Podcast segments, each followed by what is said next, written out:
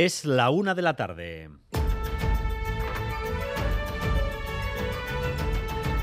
Crónica de Euskadi con Dani Álvarez. A Rachaldeón, el testimonio y la memoria de dos mujeres marca hoy el pulso del país. Por un lado, Lourdes Zabalza, hermana de Miquel Zabalza, unas horas después de que el ministro Marlasca defendiera el ascenso del teniente general Arturo Espejo en la Guardia Civil, a pesar de su implicación en la tortura y muerte del joven Navarro. Según Marlasca, Espejo no estuvo ni siquiera imputado, lo que permite tener un expediente sin tacha. Ella vuelve a expresar su lamento por el abandono al que el Estado somete a su familia aunque agradece el apoyo recibido aquí, incluido el de los socialistas vascos. Cuando un juez parecía que encaminaba o veía que, la versión oficial no, no era cierta eh, o eso, cogían y lo cambiaban. Pues imposible, que si no se investiga no, no hay caso. Tenemos un muro delante, está muy bien protegido. Lourdes Zabalza esta mañana en Boulevard. El otro nombre propio es el de Begoña Zalduegui, la compañera del exconsejero de Interior y presidente del Parlamento Vasco Juan María Tucha. Falleció ayer a los 79 años de edad debido a una enfermedad. Ella vivió las amenazas de ETA y los intentos de asesinato que sufrió Atucha, uno de ellos incluso el día de la boda de su hijo. Todos frustrados, pero tras uno de ellos en 1994, Zalduegui llamó aquí, a Radio Euskadi y dejó este mensaje en el teléfono del oyente.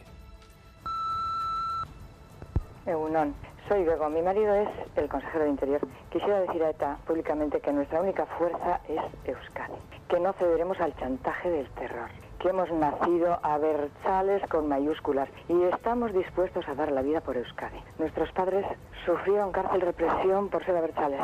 Ahora sois vosotros los nuevos dictadores. No hemos nacido para vivir arrodillados.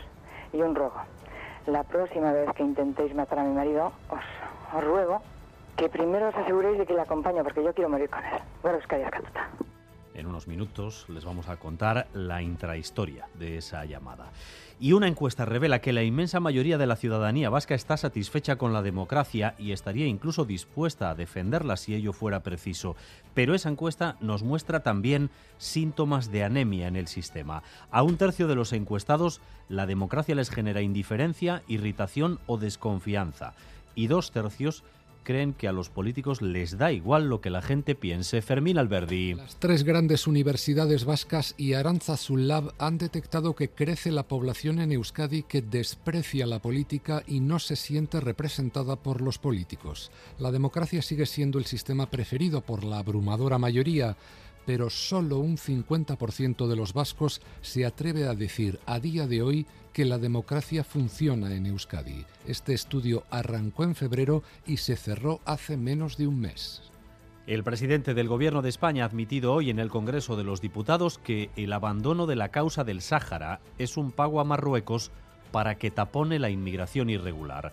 El gobierno estaba cada vez más preocupado por el auge de la ultraderecha en el sur de España y en el Mediterráneo e interpretaba que la inmigración irregular era un factor determinante en este fenómeno pero Marruecos exigió a cambio manos libres en el Sáhara y así se ha cerrado el paso a pateras o a entradas en Ceuta y Melilla.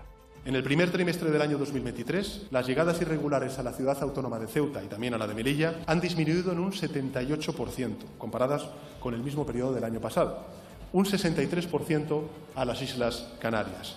Y estas cifras, si las comparamos y las contrastamos con otras rutas de entrada de esa migración irregular hacia el continente europeo, creo que son lo suficientemente elocuentes. Datos elocuentes, dice Sánchez, que se ha encontrado con un rechazo unánime por parte de todo el Congreso, una vez más por este abandono del Sáhara.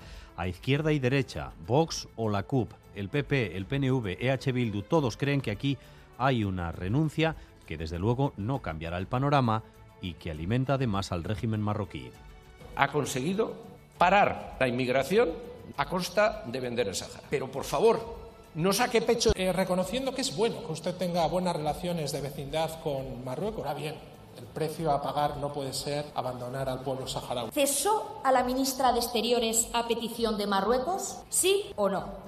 Por cierto, hablando de países olvidados, el Endacari recibe hoy al embajador de Palestina que ha estado en el Parlamento Vasco.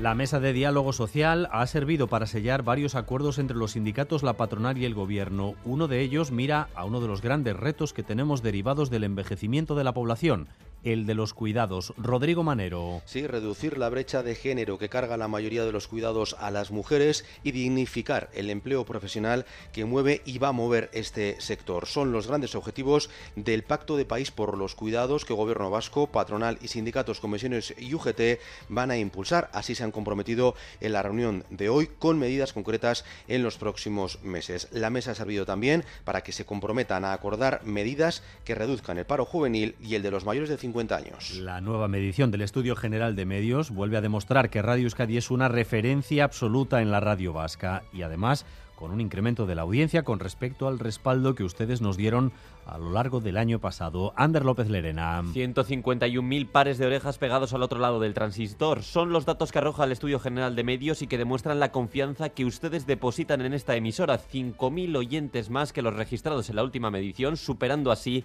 la media del año pasado. Buenos datos también en su conjunto para las radios de ITV, que superan los 400.000 oyentes, 40 años desde la primera emisión. Y continuamos gracias a todos y a todas ustedes que cada día sintonizan con nosotros. Hoy se ha presentado el Dance Festival, el festival de música electrónica que se celebrará en Donostia a finales de agosto. La leyenda viva de la música electrónica, Jeff Mills, encabeza el cartel de esta edición que reunirá a más de 20 artistas. Joaquín Tellería es el director de Dance. Dance tiene un vehículo que es la, la, música electrónica y tiene diferentes líneas. Empezamos con un festival, para nosotros el hilo conductor es eh, la, música electrónica desde la amplitud, porque para nosotros es un universo creativo casi sin límites. ¿no? Empezamos con un festival, luego empezamos con los Dance Point, que unen patrimonio y, y música, eh, ponemos en valor el patrimonio del entorno. Y vamos también con lo más destacado del deporte, con Álvaro Fernández Cadierno. Arrachaldeón, Álvaro. Arrachaldeón con noticias de ciclismo, boxeo y baloncesto, con partido de liga para Basconia, 7 de la tarde, Bues Arena, Basconia Obradoiro. En ciclismo tenemos en marcha la tercera etapa del Tour de los Alpes, con Tao Hart, el británico, como líder, y también la flecha balona, con Pogachar como rueda a seguir, pero con Mikel Landa y Pello Bilbao. Y en boxeo, Kerman Lejarraga, el de Morga, 31 años, deja el boxeo profesional, se convierte en promotor. Cielos completamente azules y sol en todo el territorio. Hoy de nuevo ambiente completamente primaveral con ascenso de las temperaturas, aupadas por el viento sur y una ligera brisa en la costa. 21 grados en Bilbao, 19 en Bayona y en Donostia, 17 en Iruña y en Vitoria-Gasteiz. Gracias un día más por elegir Radio Euskadi y Radio Vitoria para informarse. Raúl González y José Ignacio Revuelta se encargan de la dirección técnica, Aichibre Bilbao de la coordinación.